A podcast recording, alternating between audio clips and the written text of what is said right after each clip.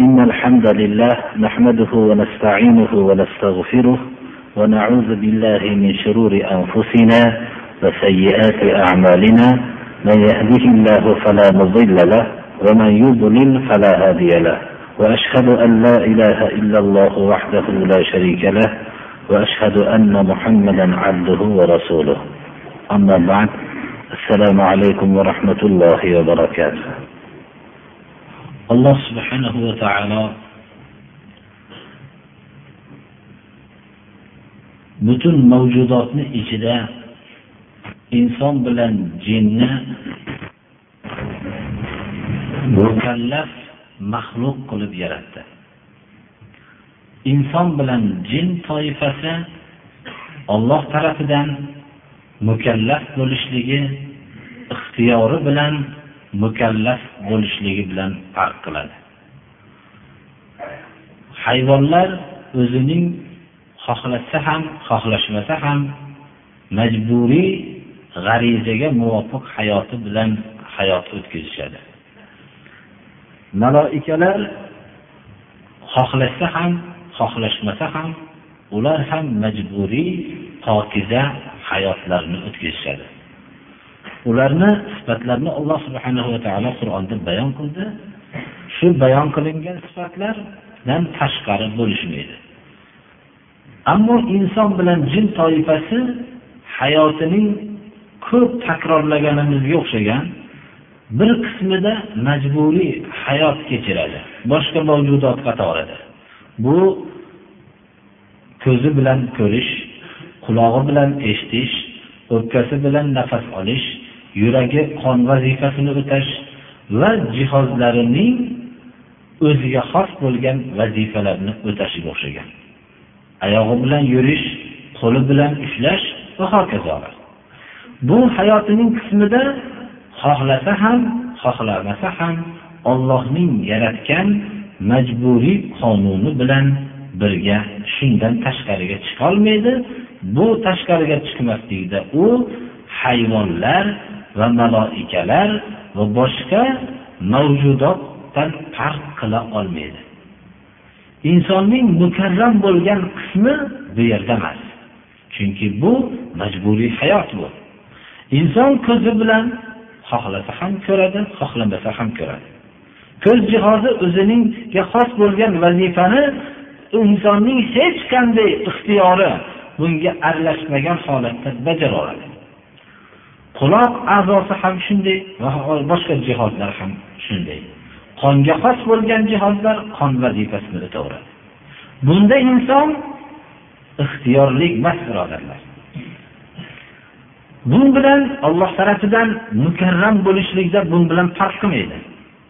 Alloh subhana va taoloning irodasi ko'zga ko'rinib turgan yer kurrasidagi inson deb atalgan maxluqni mukarram qilishlikni va ko'zga ko'rinmay turgan jin toifasini mukarram qilishligini xohladi.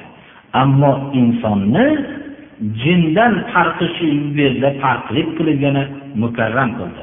Bu yer yuzidagi xalifa bo'lishlik vazifasi. Xalifa ollohning xalifasi bo'lishligi. Olloh tarafidan bo'lgan hukmni ijro qiluvchi bu maxluq bo'lishligini Alloh iroda qildi. Bu jin toifasidan o'ziga xos bo'lgan ulug' sifatidir.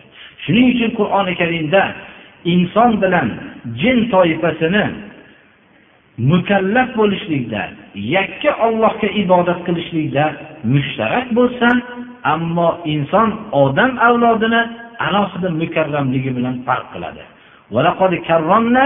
Bani adam odam avlodini mukarram qildik deb alloh subhanahu va taolo alohida yod qilyapti. Ammo vazifani o'tashlik qismida ya'ni yakka ollohga ibodat qilishlik qismida bo'lsa inson va jin toifasini faqat o'zimgagina ibodat qilishlik uchun yaratdim deyapti. Demak bizning yaratilishimiz behuda bo'lgan emas bizning yaratilishimiz o'z xohishimizda hayot o'tkazishlik uchun emas. Bizning yaratilishimizdan tashqari hayotdagi bir zarraning yaratilishligi behuda emas. Shuning uchun fuqarolar agarda kimda kim biror bir zarrani behuda yaratilgan deb aytilsa kofir bo'ladi degan. Chunki alloh subhanahu va taolo bu har bir narsani bir manfaati bor qilib yaratdi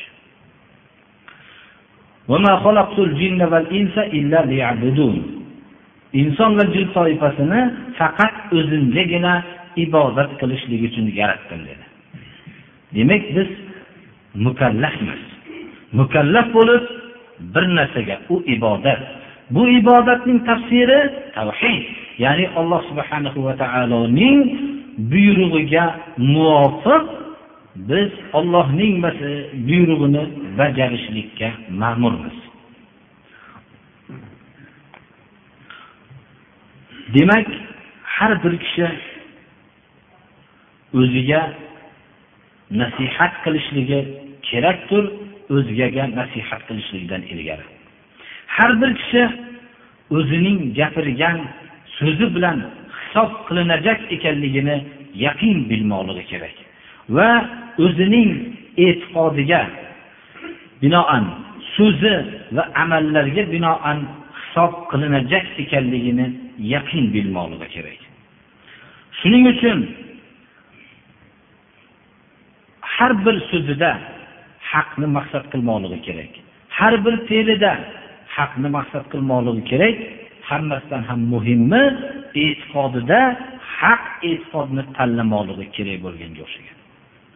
alloh subhanahu va taolo o'zining ilmi azaliysi bilan bu ummatlarning ixtilof qilishligini bildi ularning kelishmovchilik ba'zi fikrlardagi kelishmovchiliklari hosil bo'lishligini bildi shuning uchun ham alloh subhanahu va taolo bu kelishmovchilikda nimaga murojaat qilishlikni olloh o'zi ta'lim berdi فإن تنازعتم في شيء فردوه إلى الله والرسول إن كنتم تؤمنون بالله واليوم الآخر ذلك خير وأحسن تأويلا agar biror bir narsada kelishmasanglar sizlar olloh rasuliga qaytaringlar dedilar butun ulamolarning tafsiri bilan mana shu oyatning tafsirida ollohga qaytarish nima qanday biz bir narsada kelisholmasak ollohga qaytaramiz mana buni tafsirida arraddu ilallohi arraddu ila kitabihi dedilar ollohga qaytarish ollohning kitobiga qaytarish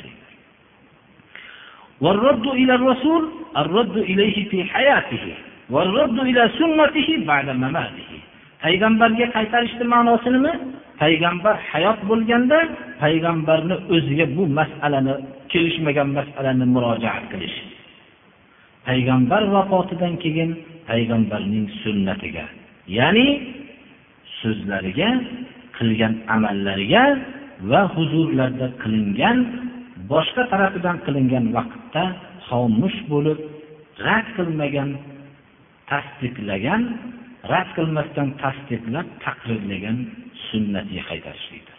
Sunnat uch narsani o'z ichiga oladi. Bundan boshqa biz shariat ishida kelishmaganimizda boshqa yo'l bo'lishligi mumkin emas. Agar ollohga va qiyomat kuniga iymon keltirgan bo'lsak bu juda qattiq bir shart bo'lyapti. Ollohga va rasuliga qaytaringlar agar ollohga va qiyomat kuniga iymon keltirgan bo'lsanglar.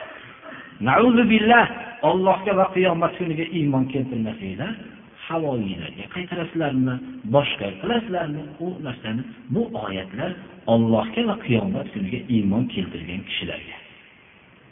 Mana bu narsa agar bilsa mo'min odam uchun juda qattiq bir so'zdir bu.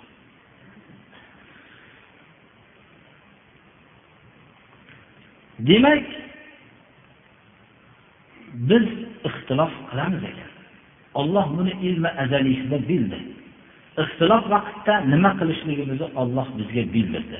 Bu ollohningga qaytarish ya'ni ollohni kitobiga rasuliga qaytarish hayotlarida rasululloh sollallohu alayhi vasallamni o'zlariga murojaat qilish hayotlaridan keyin bo'lsa sunnatlariga murojaat qilish. Nabiy sollallohu alayhi vasallam ko'p ixtiloflarning o'zlaridan keyin ummatlari o'rtasida sodir bo'lishligini xabarini berdilar ixtilof bo'lgan vaqtda bu kishi nasihatlarini ayamadilar va aytdilarki من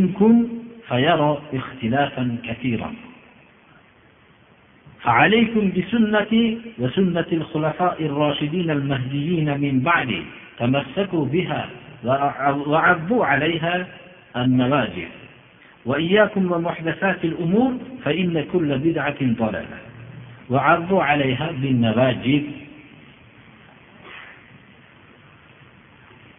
sizlarni ichinglarda yashaganlaringlar ya'ni ashobi ikromlarga aytyaptilar ya'ni sizlarni ichinglarda yashaganinglar ixtilofning tezda boshlanishligi bilan xabar berdilar sizlarni ichinglarda yashab umr ko'rganinglar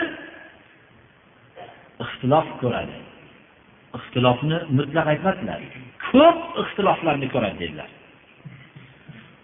Shu davrda ashoblar yashaganlari uzoq umr ko'rganlarning ko'p ixtilof ko'rishliklari bilan xabar berdilar.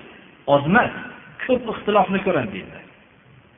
Ixtilof shu darajada bo'ladiki ko'rinadigan darajada bo'ladi. Bu juda bir mo'jizotlaridan shunda nima qilinglar dedi aytdilarmi rasululloh sollallohu alayhi vasallam odamlarni ko'pi nima qilyapsa shuni qilinglar dedilarmi? Yoyinki har bir zamon o'zini ahliga qarab turib ish qilsin dedilarmi? Yoyinki nahr alohida bir shu ulamolarga qarasin dedilarmi? Yoyinki maxsus bir diyordagi ulamolarga qarasin dedilarmi? Nima dedilar? Mening sunnatimni o'zinglarga lozim tutinglar dedilar.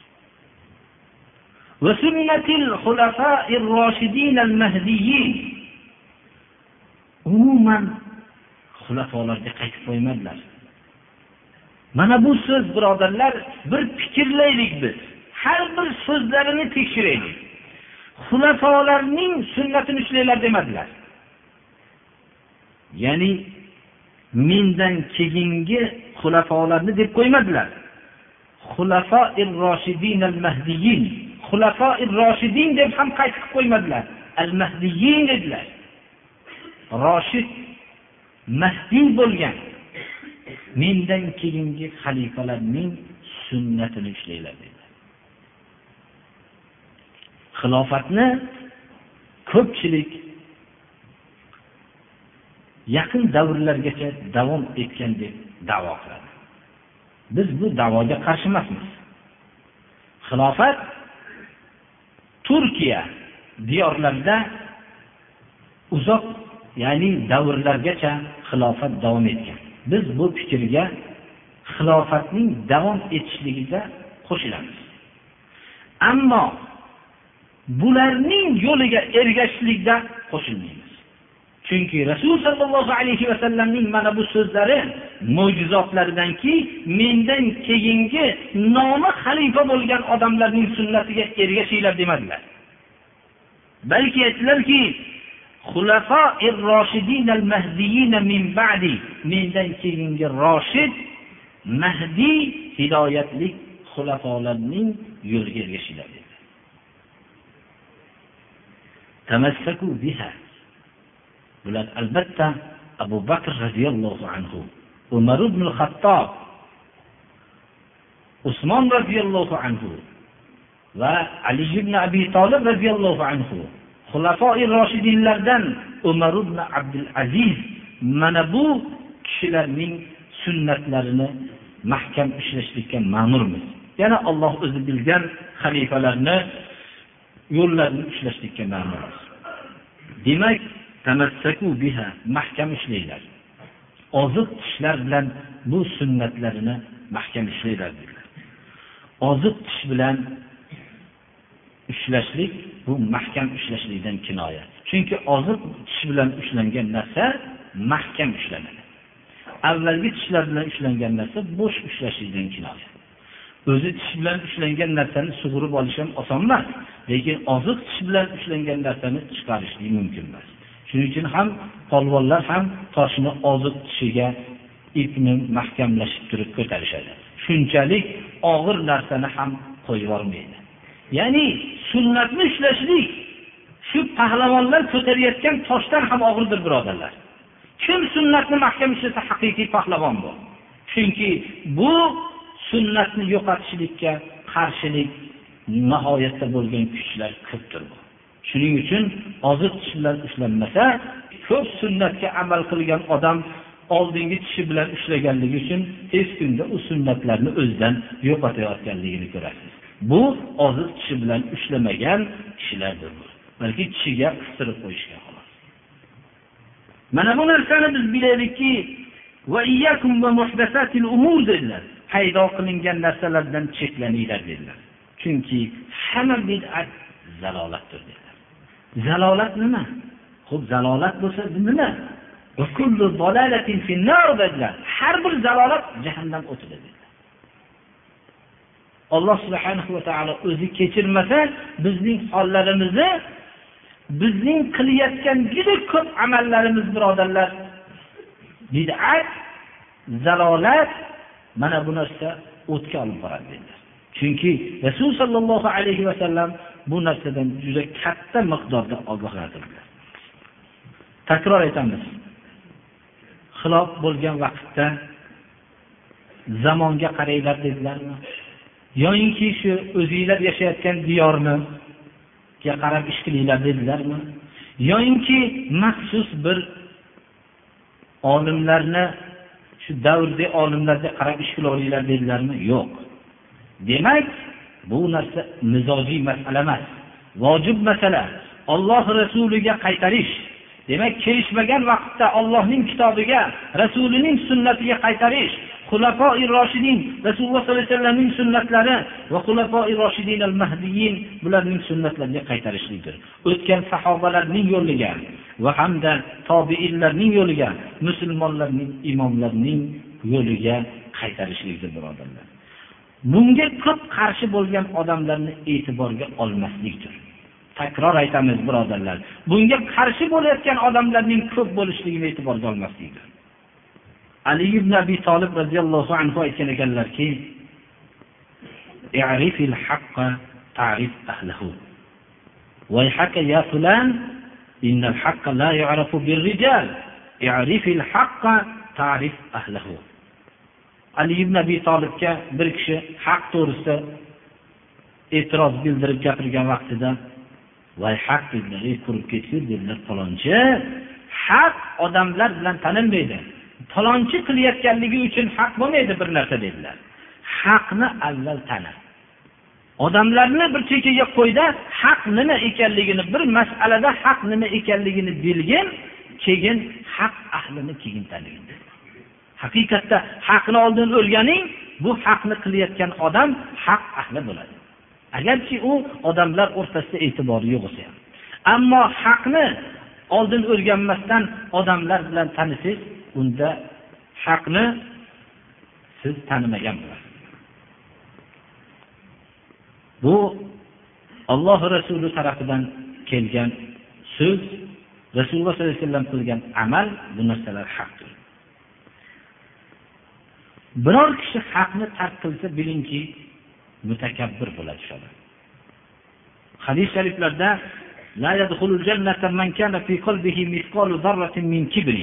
kibrdan zarra og'irligicha kibri bo'lgan qalbida kibri bo'lgan odam jannatga kirmaydi dedilar rasululloh sollallohu alayhi vasallam. Kim haqqa unamagan bo'lsa albatta haqni unamagan odam mutakabbir bo'ladi kibrli odam bo'ladi. Chunki rasululloh sollallohu alayhi vasallamning kibr haqida gapirganlarida bir kishi aytdilarki yo rasululloh men mana ko'rib turibsizki menga alloh subhanahu va taolo qaddi qomatu jamol go'zallik bergan. Men libosimni birovni libosi menikidan ortiq bo'lishligini xohlamayman. Shu libosimu hamma narsam ortiq tursa kiyimda. Shu kibrmi deganlarda yo'q dedilar. Innalloha jamilun jamal. Alloh chiroylidir chiroylilikni yaxshi ko'radi dedilar. Al kibru batarul haqqi va dedilar. Kibr haqni rad qilish dedilar. Haq bo'lganda unamaslik dedilar. Va odamlarning ixtiyorida yo'q bo'lgan sifatlarni ayblashlik dedilar. Misol bir kishi ozg'in bu odamni ozg'in deyish. Bir odam masalan ixtiyordan tashqari sifatlar bor pastak mana bu odamni kamsitish. Mana bu narsa ixtiyordan tashqari bo'lgan sifatlar bilan kamsitishlik bu kibr dedilar. Demak birinchisida batarul haq dedilar. Haqni rad qilishlik kibr dedilar. Mana bu narsani bilaylikki haq kelgan vaqtda buni qabul qilmaslik kibrdir. Bu kibr shak shubha yo'q bunda. Bu rasululloh sollallohu alayhi vasallamni hadislari. Qalbida misqoli zarra kibri bo'lgan odam jannatga kirmaydi. Bu meni so'zim emas yo bir ahli ilm odamni so'zi emas. Bu muhammad alayhissalomning so'zidir. shuning uchun haq kelgan vaqtda qabul qilishlikka odatlanmoqlik kerak bu juda zaruriy muhim masaladir amr ibn maymun avdiy aytadilarki sahibtu muadan فما فارقته حتى باريته في التراب بالشام muoz ibn jabal bilan birga bo'ldim u kishini shomda tuproqqa ko'mgunimcha ajralganim yo'q Doim birga bo'ldim keyin bu kishidan keyin odamlarning eng faqihlari bo'lgan abdulloh ibn masud bilan birga suhbatdosh bo'ldim. U kishidan aytganlarini eshitdimki alaykum bil jamoa jamoatni lozim tutinglar. Ollohning qo'li jamoat ustida deganlarini eshitdim. Va yana eshitdimki bir kun shunday deganlarini سيلي عليكم ولاة يؤخرون الصلاة عن مواقيتها فصلوا الصلاة لميقاتها فهي الفريضة وصلوا معهم فإنها لكم نافلة sizlarga kelajakda shunday voliylar bo'ladiki peshvolar namozni vaqtidan ta'xir qiladigan namozni vaqtidan ta'xir qiladigan voliylar bo'lganda biz qaniydi deymiz ish qilib namoz o'qiyaptiyu deb Ogohlantirdilar. Namozni vaqtidan ta'xir qilib o'qiydigan voliylar bo'ladi dedilar. Namozni tark qilib mutlaqo namoz nimaligini bilmaydigan voliy deganlari yo'q. Namozni vaqtidan ta'xir qiladigan voliylar balosiga giribtor oladilar dedilar. Shunda namozni nima qilaylik? Deganlarda namozni vaqtida o'qinglar dedilar. Bu namozni vaqtida o'qishlik farz. Namozni vaqtida o'qishlik farz dedilar endi vaqtida o'zinglar tanho namoz o'qib turib ular bilan birga ham namoz o'qinglar. U keyingi o'qigan namozinglar nafl bo'lib qoladi sizlarga avvalgi so'zlarida jamoatni lozim tutinglar. Ollohni qo'li jamoatda dedilar. Keyin namozni tahir qiladigan voliylar sizlarga bo'lganda namozni sizlar vaqtida o'qinglar bu farz namoz keyingi o'qigan namozinglar nafl bo'ladi dedilar. Shunda men aytdimki yo ashabi muhammad ma adri ma tuhaddisuna ey muhammad alayhissalomni ashoblari nima deb gapiryapsizlar? Men bilmay qoldim. Abdulloh ibn masud so'radilarki nima? قلت تأمرني بالجماعة وتحضني عليها ثم تقول صل الصلاة وحدك وهي الفريضة وصل مع الجماعة وهي النافلة meni jamoatga buyuryapsiz avvalda jamoatga targ'ib qilyapsiz keyin bo'lsa namozni tanho o'qib olgin yolg'iz o'qigin bu farz keyin jamoat bilan o'qigin bu nafl bo'ladi deyapsiz bu qanaqa deb tushundi shunda aytdilarki ya amr ibn maymun قد كنت أظن أنك من أفقه أهل هذه القرية أتدري ما الجماعة قلت لا قال إن جمهور الناس قد فارقوا الجماعة الجماعة ما وافق الحق وإن كنت وحدك amr ibn maymun dedilar men seni mana shu shaharning eng faqih olimlaridan deb gumon qilib yurardim jamoat nima ekanligini bilasanmi dedilar men aytdimki yo'q odamlarning ko'pchiligi jamoatdan judo bo'lishdi jamoat haqqa muvofiq bo'lgan odamlarni jamoat deydilar agarki tanho bo'lsang ham bitta bo'lsang ham haqqa tursang sen jamoatsan dedilar naim hammod rahimaullohdan rivoyat qilgan ekanlar إذا فسدت الجماعة فعليك بما كانت عليه الجماعة قبل أن يفسدوا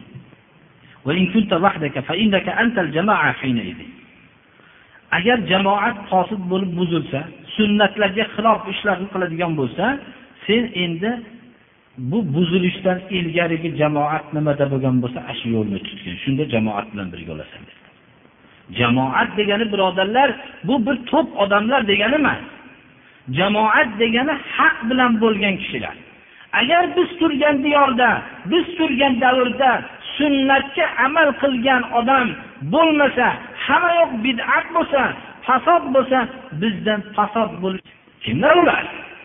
Ashoblar ularga yaxshilik bilan ergashganlar mana bizni jamoatimiz. Abu dardo roziyallohu anhu oilalarini oldilariga kelgan ekanlar.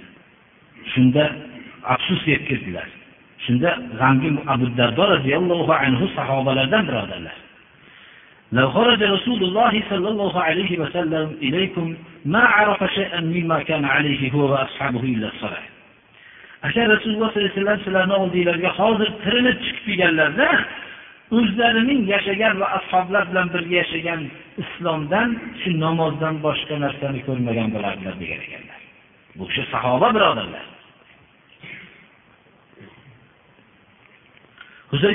Yamoniy roziyallohu anhu aytgan ekanlar bu kishi oq toshlardan bir hovuchni olgan ekanlar qo'llariga kaftlariga qo'yib turib mana bu din dedilar xuddi mana shu oppoq toshning yorug'ligiga o'xshagan yorug' edi dedilar.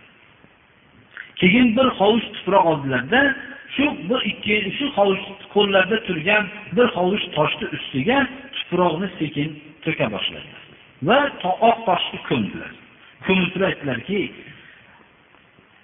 والذي نفسي بيده ليجيئن أقوام يدفنون هذا الدين كما دفنت هذه الحصى ولتسلكن ولتسلكن طريق الذين كانوا قبلكم حذر القذة بالقذة وحذر النعل بالنعل aytdilarki shunday odamlar keladiki dinni ko'mib bekitib tashlaydi xuddi mana bu toshni tuproq bilan ko'mib ko'rsatganimga o'xshagan dedilar. Va ilgarigi ahli kitoblarning yo'liga xuddi sizlar mana shunday oyoq kiyimi ikkinchi oyoq kiyimiga barobar kelgandek o'tgan ahli kitoblarning yo'liga yurib ketasizlar dedilar. Mana bu so'zlar rasululloh sollallohu alayhi vasallam ogohlantirgan so'zlarni yamoniy ogohlantiryaptilar. Ya'ni shunda ahli kitoblar payg'ambarimiz sollallohu alayhi vasallam bu hadis bilan ashobi ikromlarni ogohlantirganlarda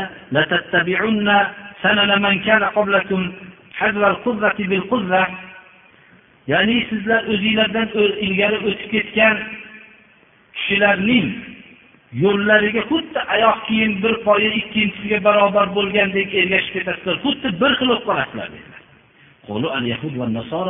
Yahud bilan nasorolarni aytyapsizmi yo rasululloh deganlarda saman degan ekan kim aytyapman bo'lmasam degan yahud nasorolarning yo'liga kelib ketasizlar mana bu narsani bir tekshirib ko'radigan bo'lsak birodarlar alloh subhanahu va taolo qur'oni karimda ahli kitoblarni ya'ni yahud nasorolarni aybladi.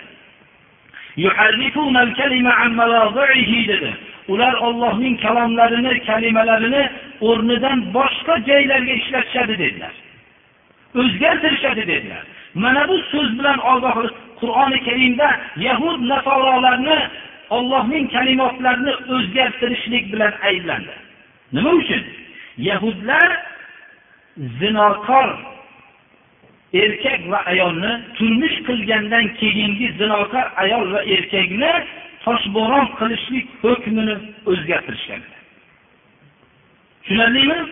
Ular toshbo'ron qilishlikni yo darralab qo'yishlik bilan yoyinki boshqa bir azoblar bilan o'zgartirishlikka shu narsaga o'zgartirishgan. Tushunarlimi?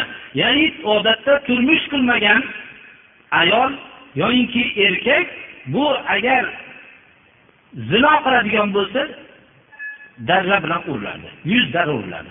Ammo turmush qilgan bo'lsachi toshbo'ron qilib o'ldiriladi. Shu toshbo'ron qilishlikni o'zgartirganligi uchun ular bu hukmni boshqaga ya'ni turmush qilmagan holatdagi yuz darraga o'zgartirishganligi uchun alloh subhana va taolo ollohning kalimasini o'rnidan boshqa joyga o'zgartirishadilar deb ularni malomat qildi. Musulmonlarchi musulmonlarni ko'rilsa endi hozirgi vaqtda ollohning hukmlarini mutlaqo ishlatmaganlarni holi bu yahud nasorolarning holatidan yomon bo'lib ketgan. Alloh subhanahu va taoloning hukmi qayerda qoldi? Mana bu narsani bilar ekanmizki alloh subhanahu va taoloning hukmlarining yo'q bo'lib ketishligiga bu musulmonlar hayoliga ham keltirmaganligi mana bu vaid ularning yahud nasorolarni yo'liga ergashib ketganlik bo'lmasdan nima bo'ladi? Shuning uchun ham biz har bir narsada takror aytamizki olloh rasuliga qaytarishlik hukmini mukammal bilmoqligimiz kerakki o'zimizning o'rtalarimizda ixtilof bo'lishligini alloh subhanahu va taolo ilmi azaliy bilan bildi shuning uchun ham o'zining kalomida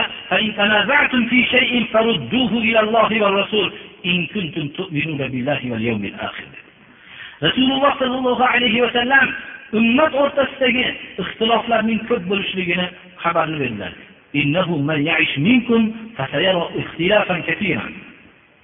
ko'p ixtilofotlarni ko'radi dedilar. Va shunda nima dedilar? Ko'pchilikka qaranglar dedilar? Takror aytamiz. Yoyinki nahr alohida bularning shu yerda alohida hukm topib olasizlar dedimi? Dedilarmi? Yo'q.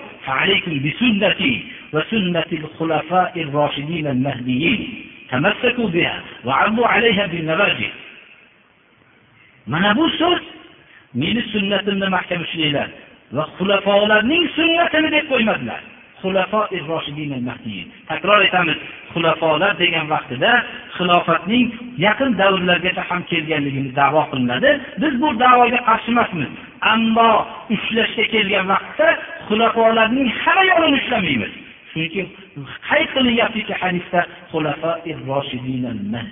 deb mana bu narsa bizga mukammal bo'lmoqligi kerak men shu darsni oxirini shu masalalar bilan tugatmoqchimanki payg'ambarimiz sollallohu alayhi vasallamdan keyingi sahobalar sahobalar o'zlarining davrlarini o'tashganlaridan keyin hatto bu keyingi fuqarolar alohida fiqh kitoblarida murtad hukmi deb alohida boblar ajratishdilar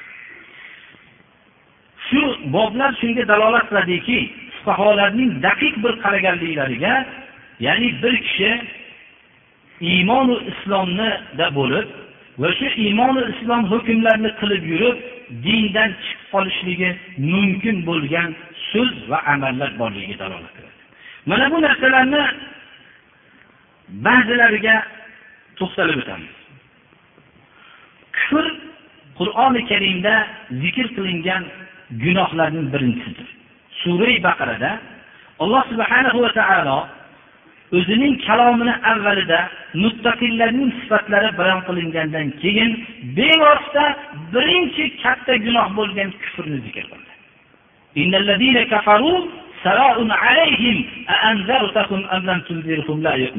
Mana bu oyat kufrni eng katta gunohni o'zining kalomida birinchi zikr qildi.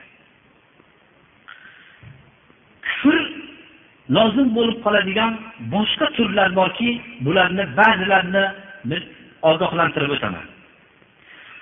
Kufr ba'zilari bu turlari alloh subhanahu va taologa bog'lanadi. Ya'ni ollohni inkor qilishlik bilan kofir bo'ladi. Ollohning sifatlarini inkor qilishlik bilan kofir bo'ladi. Ba'zilari qur'oni karimga bog'lanadi. Qur'oni karimni ollohni kalomi ekanligini inkor qilsa kofir bo'ladi.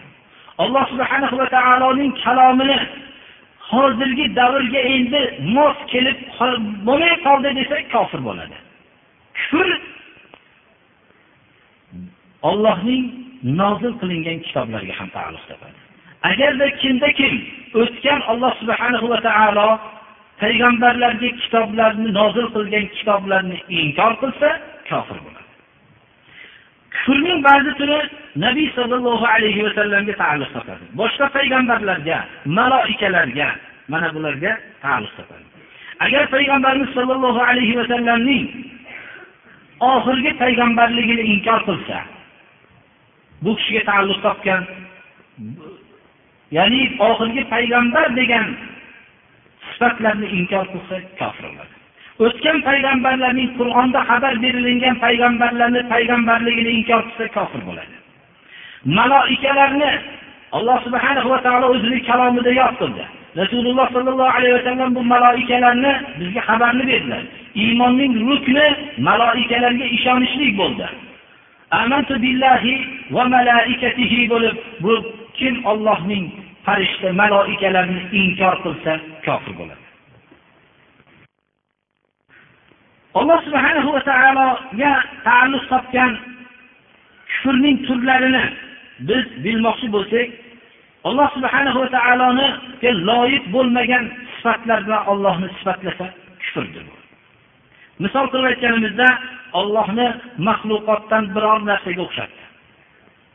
Yoinki ollohning sifatlarini nafiy qildi. Yoinki ollohni biror bir narsaga hurul qilgan dedi. Hululiya hozirgi vaqtda juda ko'p bu hululiyalar ko'proq tasavvuf fikrlarda mavjuddir birodarlar. Hululiya ya'ni bu barahmanlarda ham bordir. Hululiya ollohning biror bir narsaga hulul qilgan deb e'tiqod qilishligi bilan kofir bo'ladi. E'tiqod qilsaki alloh subhanahu va taoloni biror bir jism deb e'tiqod qilsa kofir bo'ladi. Alloh subhanahu va taoloning ana avvalda aytdikki sifatlarini inkor qilsa kofir bo'ladi. Yoinki juz'iyotlarni bilmaydi desa mayda narsalarni bilmaydi desa kofir bo'ladi. Yoinki alloh subhanahu va taoloning ismlaridan bir ismni asmoul husnolardan allohning kalomida rasululloh sollallohu alayhi vasallamning bayon qilgan hadislarda ollohning ismlari mavqufiy faqat ollohni kalomida yod qilingan ismlarni biz allohga isbot qilamiz. Rasululloh sollallohu alayhi vasallam bayon qilgan ismlarni isbot qilamiz. Mana shu ismlardan birortasini masxara qilsa kofir bo'ladi. Ollohning buyruqlaridan biror buyruqni masxara qilsa kofir bo'ladi.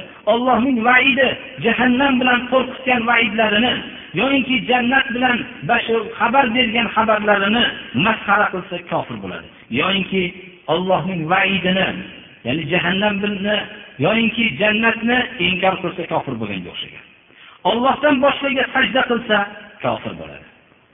Alloh subhanahu va taoloni so'ksa kofir bo'ladi. Agarki alloh subhanahu va taoloning farzandi yo ayoli bor desa kofir bo'ladi. Mana bu endi hammasidan ham muhim bo'lgan narsa ollohning ibodatida ollohga ibodat qilishligida biror bir narsani xalqidan bir narsani nimayu kim bo'lishligidan qat'iy nazar ibodatda sharik qilsa mushrik bo'ladi. Bu alloh subhana va taolo kechirmaydi bu biz takror aytamiz rasululloh sollallohu alayhi vasallam va o'tgan payg'ambarlar xalqlar bilan o'rtalaridagi bo'lgan husumat ollohning vujudida emas edi. Ular ollohni bor deyishardi. Ollohni yo'q deydigan kofir bu nodir surat deydi. Degan dahriylar juda nodir surat deydi. Ollohni vujudini inkor qilgan kofir taqriban uch yuz to'rt yuz yilda bo'ldi unaqa kofirning vujudga kelganiga ollohni bor deyishardi. Alloh subhanahu va taoloning xoliqiyat sifatini isbot qilishardi. Mushriklar ya'ni koinot yerni kim yaratgan deb so'rasangiz olloh deyishardi. ollohning roziqiyat sifatini inkor qilishmasdi isbot qilishardi. Koinot yerdan sizlarga rizqni kim beradi desa olloh deyishardi. Eshitish va ko'rish a'zolarini moliki kim? Desa ollohning mulkiyatini ham isbot qilishadi. Olloh deyishadi.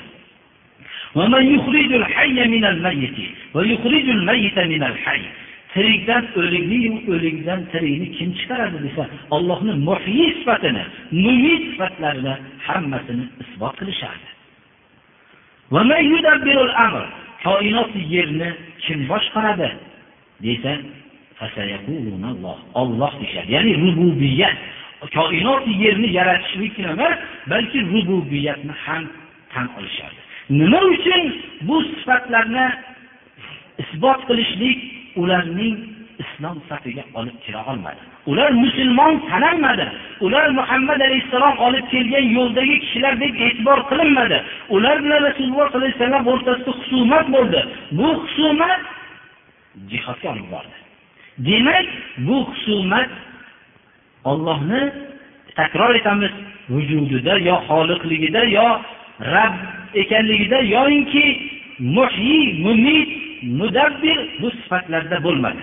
Balki ulug'iyat sifatida husumat ketdi. Ya'ni ollohning yakka ma'bud degan e'tiqodda e'tiqod qilishmasdi.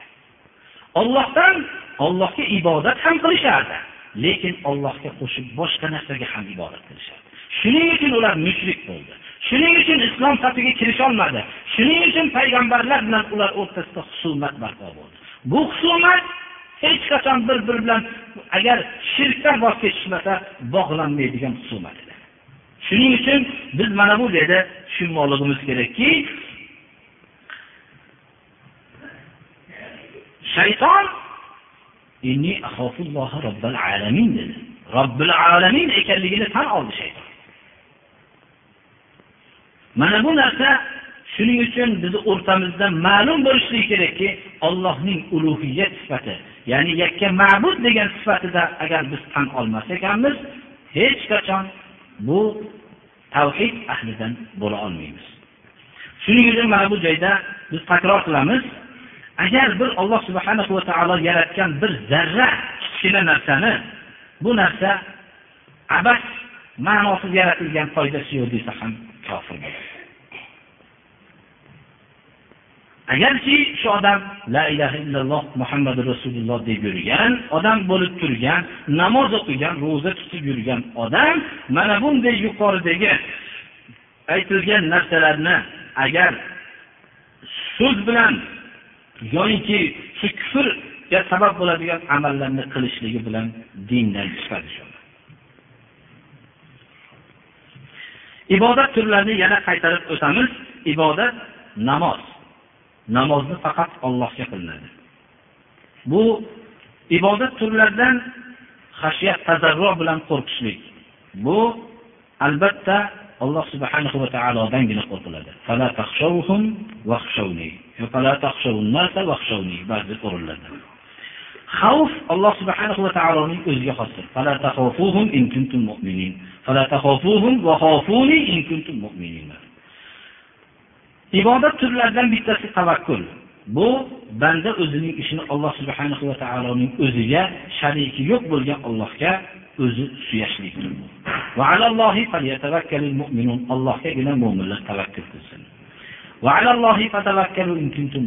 mana bu oyatlar ibodat turlaridan takror aytamiz yana biror bir hayvonni so'yishlik قل إن صلاتي ونسكي ومحياي ومماتي لله رب العالمين لا شريك له وبذلك أمرت أن أول المسلمين demak istiona ibodat turlaridan iyyaka na'bud va iyyaka nasta'in Abdulloh ibn abbosga nabiy sallallohu alayhi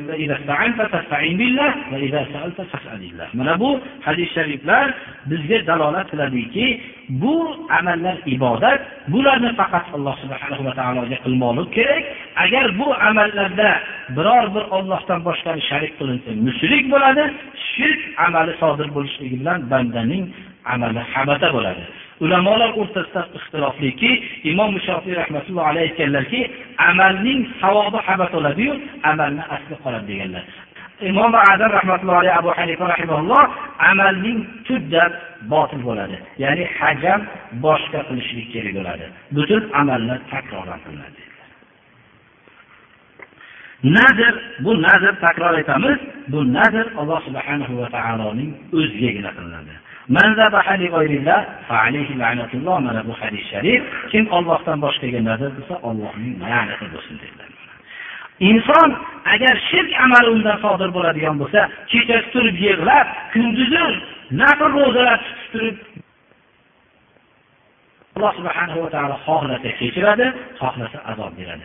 Lekin azobiga yarasha jazo olgandan keyin albatta najotning umidi bordir tavhid ahlidan bo'lsa.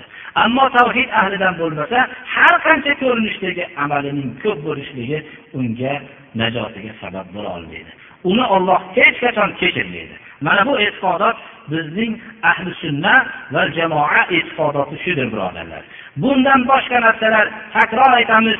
Ko'pchilikning qilishligi bizni mag'rurlantirmasligi kerak. Ko'pchilik bizni e'tiqodimizda ahli sunna va jamoa e'tiqodida kimlar? Ahli sunnalar rasululloh sollallohu alayhi vasallamning sunnatlari va u kishiga ergashgan xalifalarning sunnatlarini ushlagan kishilar ahli sunnat o'zini ra'yini olgan kishilar bular mutlaqo ahli sunnat bo'la olmaydi.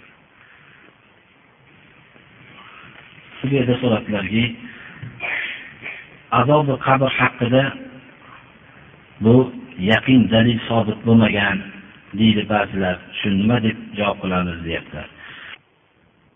Shunday aytgan bo'lsa ahli sunna yo'lidan chiqibdi bordi chunki azobi qabr haqida alloh subhanahu va taolo qur'oni karimda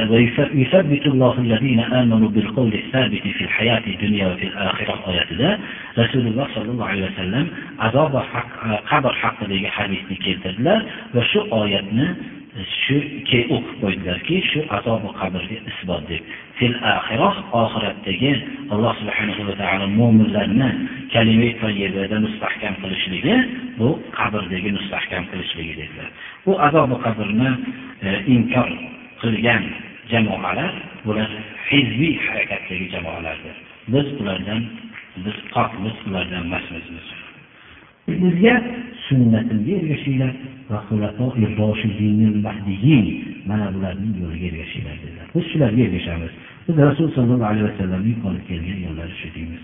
Kim buni qat'iyati subut bilan sobit bo'lmagan desa sahih hadislarni inkor qilaman bizni ahli sunna va jamoa sahih hadislarni isbot qiladi. Meni birodarlar bunday savollarni berishlik shubha qalbiga kirib borayotgan iymoni zaiflashayotgan odamni savolidir.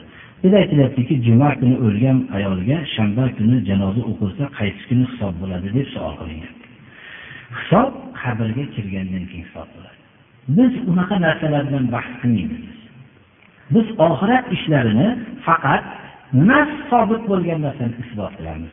Aqlimiz bilan bu haqda o'ylanishlikdan biz hokimiz ya'ni aqlimiz bilan bu narsani isbot qilmaymiz. Nafs bo'lgandan keyin albatta uni isbot qilamiz. Oxirat xabarlari bizga nafs bilan sobit bo'lgan. Bu tahorat qilayotgan vaqtda birodar tahoratni sunnatlashligi bismillah deb shu sunnatga muvofiq tahorat qilamiz. Bunda gapirish gapirmaslik tahoratni buzmaydi hech qachon. Tushunarlimi? Buni hech qanday bu savol gapirsa buziladi dedi. Bismillah deb boshlaymiz tahoratni. Shu buyurilgan buyruqlarni qilamiz shu bilan tahorat kamol bo'ladi alloh subhanahu va taolo farishtalar duo qiling debdilar onalarimiz betob debdilar hamma bemori ahli islomga alloh taolo shifo bersin. Alloh subhanahu va taolo islomga quvvat bersin ahli islomlarning ahli sunna va jamoa e'tiqodidagi kishilarning ishiga alloh taolo najot bersin alloh taolo shirkni zavolini ko'rsatsin اللهم أعز الإسلام والمسلمين وأذل الشرك والمشركين واحم حوزة الدين اللهم صل وسلم وبارك عليه